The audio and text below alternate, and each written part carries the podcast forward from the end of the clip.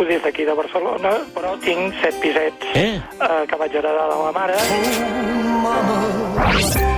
Eh, Set pisos? En el barri de Poble Sec, concretament. No, no puc opinar. Clar, set pisets, no sé si es considera petit propietari, però em sembla una petita gran fortuna, si m'ho deixes dir així. 61.500. Amb el... Jo tampoc eh, no considero, tampoc...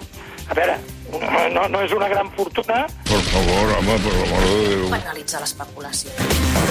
Si deixa la política, es dedicarà a, a fer la tesi doctoral i a la docència? I de què viuré, de què menjaré.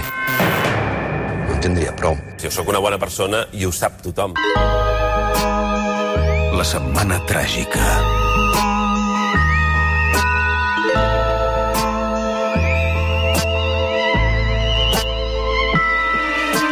A Londres, Ion Sindreu, periodista, columnista al Wall Street Journal. Bon dia, Ion. Bon dia. I el Toni Rodon, que és eh, doctor europeu en Ciències Polítiques, investigador a la London School of Economics a la Universitat de Stanford, a Califòrnia, també professor de la UPF, politòleg, en definitiva. Bon dia, Toni. Bon dia, bona hora. Com esteu vivint aquesta fantàstica festa de la democràcia? Bé, bé, bé, molt bé. Escolta, eh, ja veig que aquí a Catalunya esteu important aquesta tradició de, de vestir-se de coses estrafolàries per anar als col·legis electorals, perquè he vist que hi ha un home que s'ha presentat vestit de pallasso Perquè, en un col·legi. perquè és que ha coincidit amb Carnaval aquest, que, aquest cap de setmana.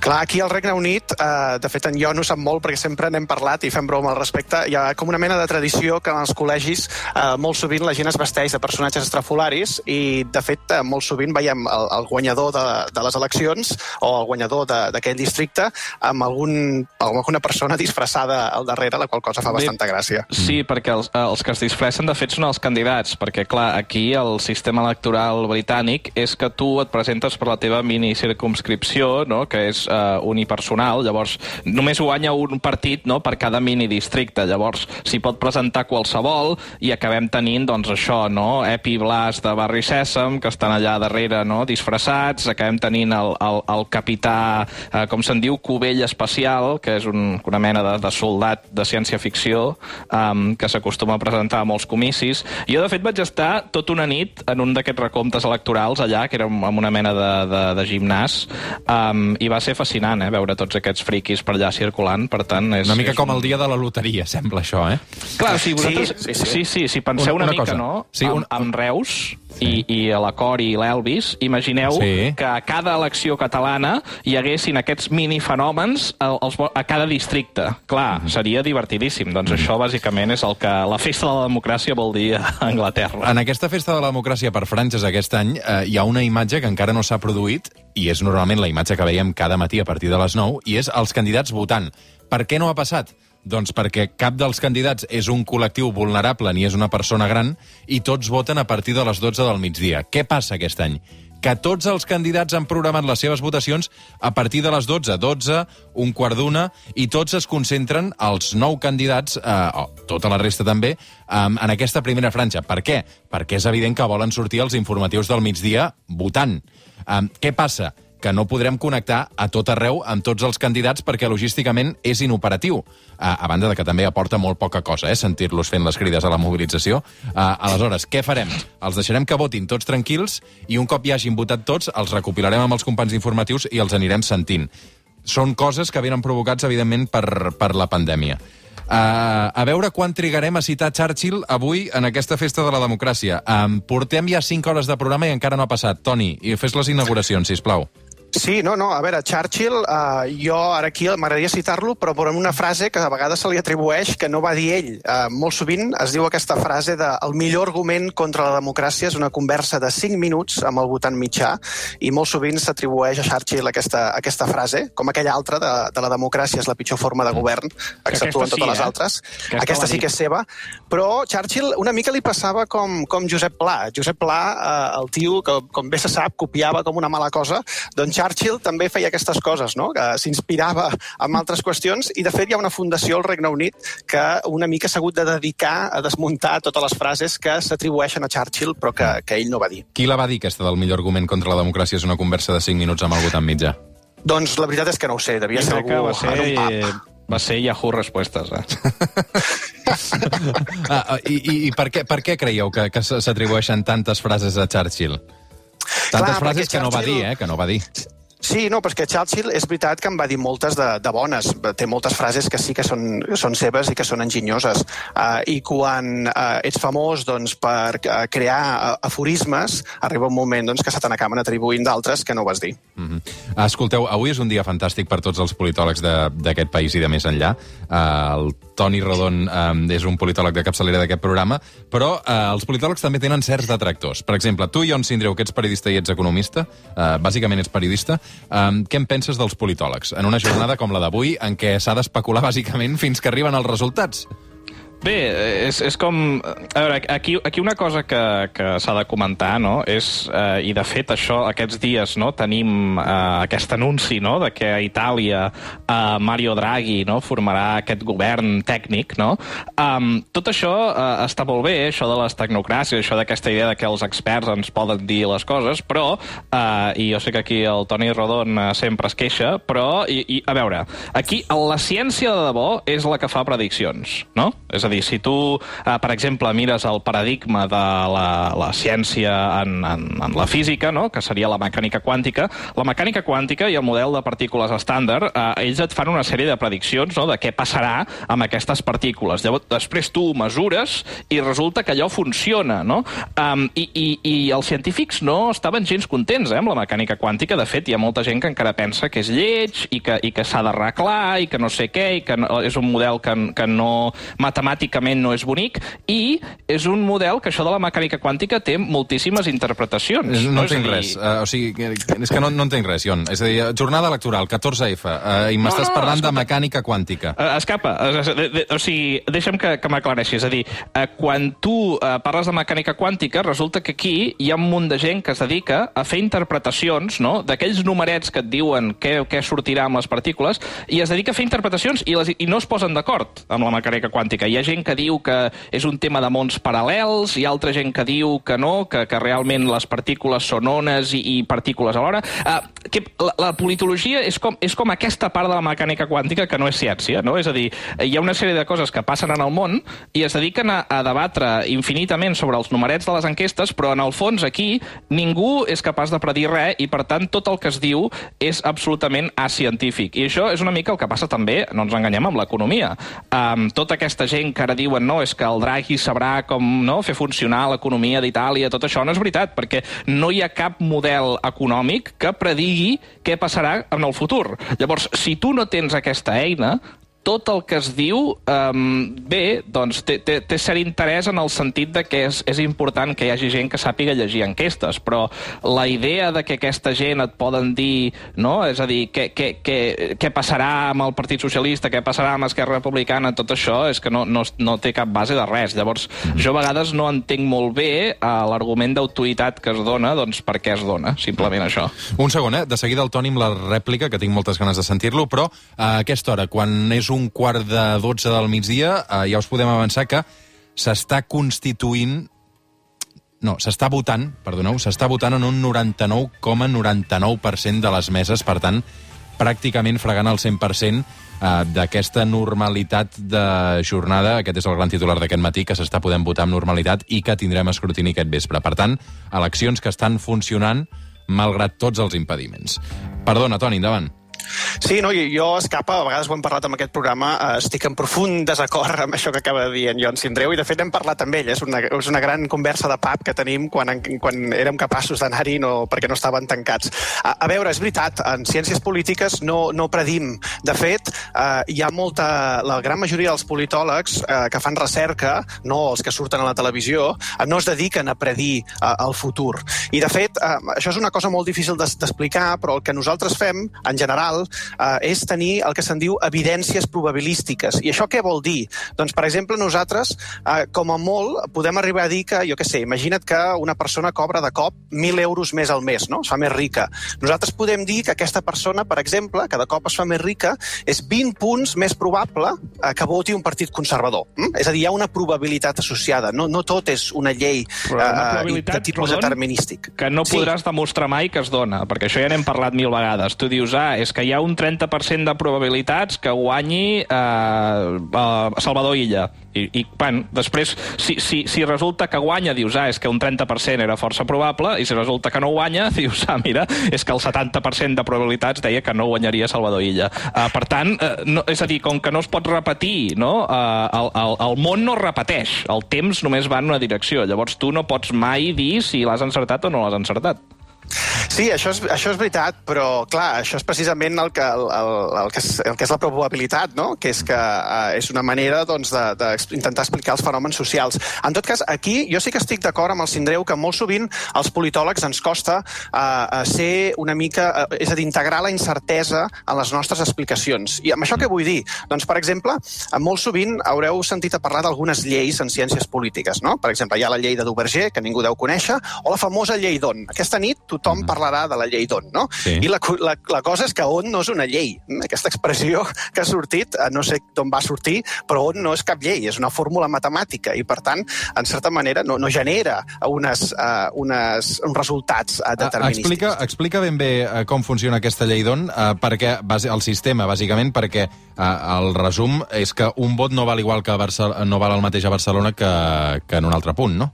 Sí, on deixa de ser una fórmula matemàtica eh, per distribuir els escons en un determinat districte. Eh, per, eh, per aplicar-la, simplement el que es fa és agafar els vots dels partits i es divideixen tots els vots dels partits eh, pel número d'escons que reparteixen aquella circunscripció. Per exemple, si un partit ha tret 100.000 vots i reparteixen 5 escons, doncs agafes i divideixes 100.000 entre 1, 100.000 entre 2, 100.000 entre 3, etc etc i, i amb tots els partits. I a partir d'aquí distribueixen els escons basats en els números que són més, que són més alts. Mm -hmm. Això és una fórmula sí. matemàtica, no és, no és cap Un, llei, però, no? Toni, Toni, escolta, aquí a ONT li cauen sempre unes garrotades brutals, però uh, quan l'escapa diu uh, no, quina llei determina doncs, qua, no, que, que la província de Barcelona o que la circunscripció tal tingui més escons que l'altra, això no és ONT, això ho, di ho diu un senyor en una llei electoral. ONT simplement et diu com es reparteixen dins d'aquí, però si tu li has donat més força a Barcelona que a Girona, això no és culpa del pobre ONT, eh? Mm. Última hora, Exacte. A les 11 i 18 minuts ja es pot votar a totes les meses de Catalunya. Ja es pot votar a tot arreu, totes les meses constituïdes. Uh, això vol dir que alguna d'aquesta informació d'aquestes meses no havia arribat. Per tant, s'ha pogut obrir entre les 9 i les 10 i ara han comunicat que s'havia pogut obrir, s'ha actualitzat, per tant, la normalitat ja és absoluta a tot arreu del territori, també en algunes d'aquestes ciutats on hi havia més problemàtica a primera hora, com podia ser Badalona, l'Hospitalet de Llobregat o també a Barcelona ciutat. Uh, dit això, jo us volia fer una pregunta amb el Toni Rodon i el, i el Ion Sindreu, perquè estem parlant molt del, del volum d'indecisos, uh, també de si marcaran o no l'esdevenir i se decantaran també la, la balança cap a un costat o cap a l'altre. Jo us volia preguntar pel, pel fenomen Duran i Lleida, no? que és que ell sortia uh, al principi de tot, de quan s'acabava l'ajornament, uh, quan s'acabava la, la jornada electoral, i uh, cantava ja els resultats uh, i sempre la clavava moltíssim, no? Aleshores, um, com feia aquestes projeccions?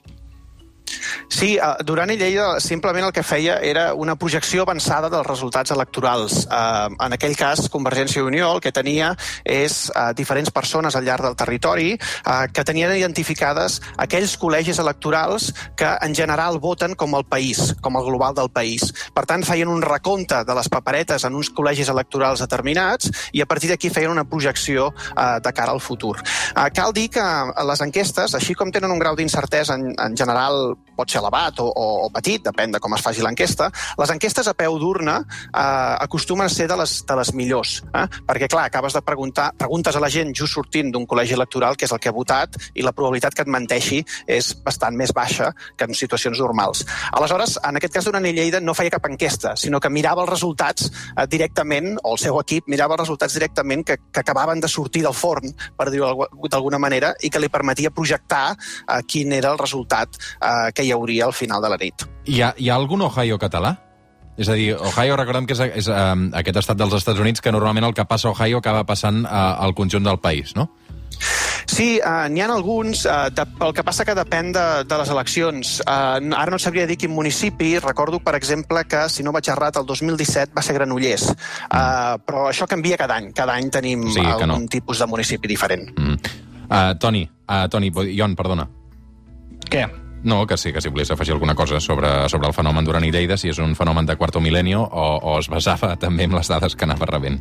Sí, eh, també cal dir que era més fàcil en el seu dia, no, Toni, predir què passaria, perquè, eh, bé, les eleccions al Parlament de Catalunya acostumaven a ser bastant avorrides, no? Eh, en general, en els dies en què Duran i Lleida llegia els resultats, eh, hi havia molts menys partits, hi havia, no?, molt menys fenòmens polítics eh, que fan variar el vot, llavors al final tu sabies més o menys, no?, que qui guanyaria o que estaria no? entre Convergència i Unió i el PSC i més o menys què traurien els altres partits. Ara, en canvi, com, com sabem, no, en aquestes eleccions tot està frec, a frec i és molt més complicat de saber fins a quin punt doncs, el procés afecta, fins a quin punt la pandèmia canviarà els patrons de vot.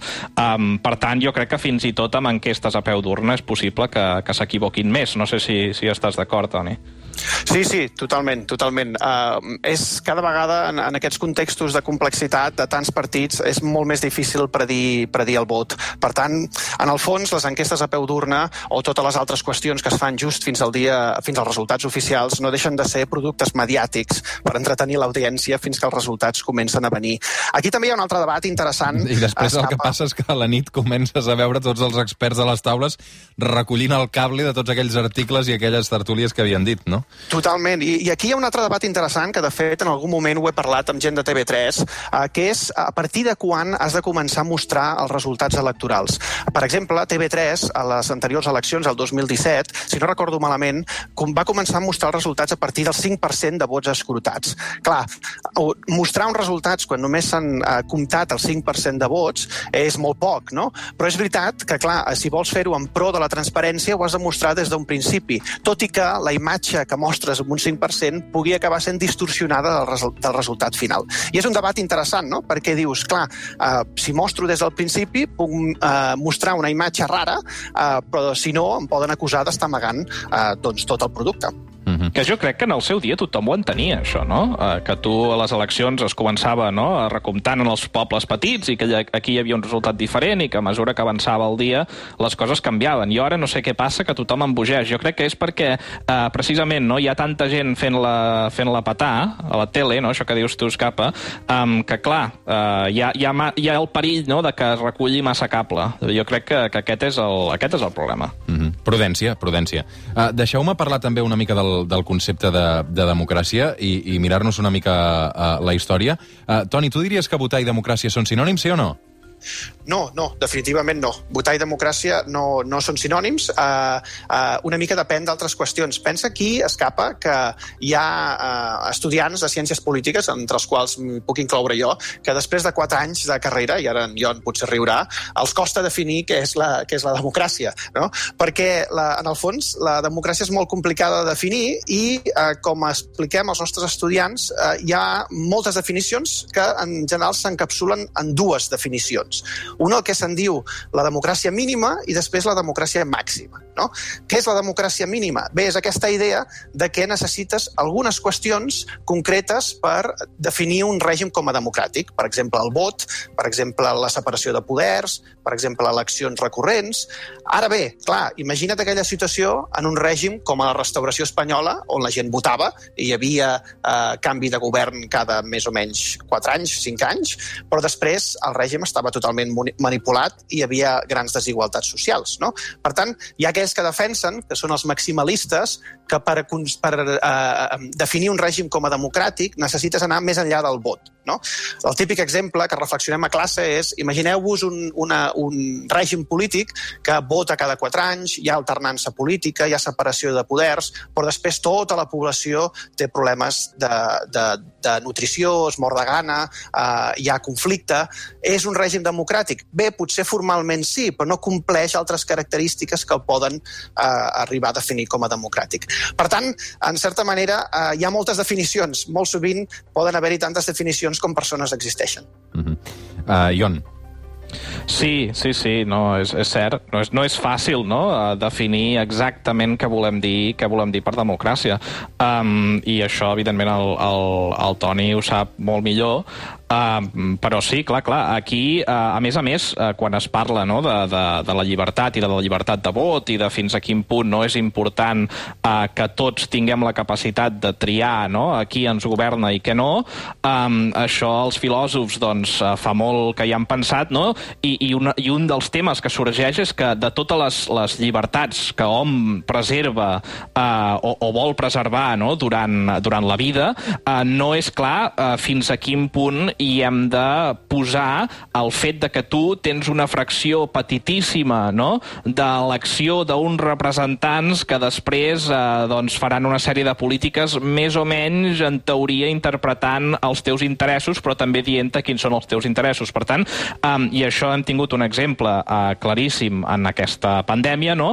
Eh, el, aquesta llibertat, no? aquesta, aquesta habilitat d'escollir com ets governat per, de manera indirecta, ser lliure o, o no està sotmès a l'autoritat, no? o a l'autoritat il·legítima, um, això ho has de sopesar contra molts altres uh, factors que afecten la teva llibertat i la teva felicitat, no? I en aquest cas, per exemple, uh, doncs no agafar el Covid. Uh, per exemple, uh, això et demostra que uh, és difícil, no?, fins a quin punt tu pots posar en una balança uh, la llibertat que et proporciona el procés democràtic versus la resta de llibertats no? de, de, de la teva vida i fins a quin punt doncs, podem mesurar si aquest procés és, és democràtic en el sentit que nosaltres l'interpretem o si eh, doncs és tan indirecte que, que realment no compta no? com, a, com a atorgant llibertat a l'individu. Eh, tot això crec que no se solucionarà mai. Mm -hmm. Dos minuts per arribar a dos quarts de dotze. De seguida al suplement saludaré també la, la Patricia Centeno, eh, companya d'aquesta casa, col·laboradora de l'Estat de Gràcia, que avui eh, també ens visitarà per fer un 1 per 1 de, de tots els candidats i una mica la vestimenta que han lluït, la vestimenta que han lluït al llarg d'aquesta campanya electoral, perquè jo crec que hi ha moltes, moltes, moltes coses a, a comentar. No sé si sou aficionats també una mica a, a mirar els looks eh, i, la, i la comunicació eh, política des d'aquest punt de vista. Jo, Antoni? Sí, i tant, clar. La, la forma, la vestimenta, la forma en què et mostres al públic és una forma de comunicació política d'enviar un missatge, clar, evidentment. Us Tot- hi heu tot fixat importa. que ara els partits que teòricament són de dretes ja no porten corbata mai? No, no m'he fixat. No em porten? No. Fan un bargalló? Els debats, els debats, és a dir, Vox anava sense corbata, eh, el Partit Popular anava sense corbata i, i Carrizoses, aparentment també en aquest espectre més de centre cap a la dreta tirant, eh, tampoc, anava, tampoc anava amb corbata. Vull dir que estan desapareixent. I, en canvi, eh, el, els, que, els partits que teòricament són d'esquerres sí que porten corbata, perquè Pere Aragonès eh, anava amb corbata, Salvador Illa anava amb corbata, Vull dir que això ara ho comentarem de Sí, seguida. això, això recordo que és una evolució que es va començar a produir amb el, amb el segon tripartit. Recordeu quan Joan Puigcercós eh, va dir que tots els consellers d'Esquerra haurien de dur corbata eh, perquè feia molt més seriós. Mm. Eh, I en canvi alhora teníem no, aquest efecte en què partits eh, conservadors estaven transformant a si mateixos. No? Per exemple, tenim aquí el cas del, del Partit Conservador eh, del Regne Unit, però si pensem també no, amb, amb els hereus de, de Convergència eh, doncs cap a un, eh, doncs un, un conservadorisme o més centrista no? o més amable i, i anàvem perdent la corbata. No? Per tant, és això allò que es diu dels vasos comunicants. No? La, la corbata ha fluït d'un costat eh, del, no? de l'hemicicle fins a l'altre. A tu t'han fet posar mai corbata per anar a la redacció del Wall Street Journal, Ion? No, no, no, no. No, de fet, no n'he no no dut mai. De fet, crec que Ni, només... ni en un casament has portat corbata? Sí, crec que bàsicament l'he fet servir pels, pels casaments, però... Uh, I tu, Toni? Això, Tu, això, Toni? No sé si passa, no sé si passa a Catalunya Ràdio, El què? però uh, una cosa que tenim al Wall Street Journal i a, i a indrets així és que quan comences vas vestit allò molt més formal uh, i a mesura que passa el temps i vas pujant a l'organització acabes allò una mica com... No, No, home, mira, el, el Kilian Sabrià, el company del Catalunya Vespre, normalment presenta tot el programa cada dia, o sigui, un dimarts qualsevol, amb, amb vestit i corbata, impecable, sempre. Que, que, I avui, per exemple, que és un dia allò que dius marcat amb, amb, amb vermell al calendari, eh, no porto pràcticament ni una americana. És que rellevant no. perquè, això no, no sé si ho sabeu, però hi havia una superstició, i, en- i suposo que encara hi serà, en els mercats financers, eh, ja que estàvem parlant del Mario Draghi, que ara, que ara doncs, liderarà aquest govern italià, Aquest sí que de porta el corbata, eh? color, el color de la corbata del Draghi determinava eh, aquell dia, quan sortia no, parlar en nom del Banc Central Europeu, eh, què passaria. Deien, no, és que si és corbata vermella el tema anirà, anirà fort, i en canvi si és corbata blava, doncs no. no? Anem... Llavors jo crec que aquí potser hi ha camp a córrer. Mira, parlant de corbates, Bernat Soler, el conseller, quan ha fet la compareixença eh, al voltant de les 10 del matí, lluïa una corbata, que sí que em portava, amb el mateix color, que era un color així eh, com un rosa fúcsia, del mateix color corporatiu del 14F. Casualitat? No ho sabem. Ara ho intentarem descobrir amb la Patricia Centeno. Els astròlegs ens ho diran. Uh, Toni Rodon i On Sindreu, un plaer. Per cert, per cert, vosaltres voteu a Catalunya o no? Uh, jo he votat, sí, però en, fer? en aquest cas sí, vaig haver d'anar a l'ambaixada a uh, omplir dos milions de papers i uh, en principi el vot ha arribat, per tant he votat per correu. I tu, Ion, ho has pogut fer? Jo no, no, home, jo, sí, sí, jo no he sortit de casa des de l'octubre, que he de votar per aquestes eleccions. No et reconeixerem, semblaràs aquell nàufrag. Eh? T'has portar una barba, Ion? No, no, però tu saps, tu saps la de- la d'esforç de, mental que m'he estalviat, no havent de pensar qui votaria.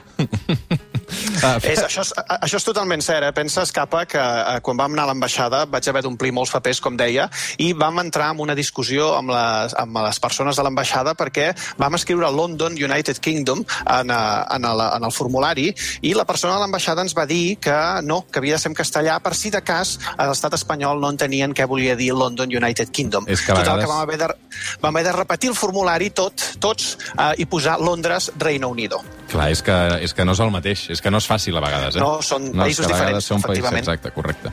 Uh, Toni Rodon i On Sindreu, cuideu-vos. Que vagi molt bé. Petitíssima pausa i de seguida la Patricia Centeno amb nosaltres. 14F. Especial al suplement amb Roger Escapa. Especial al suplement amb Roger Escapa.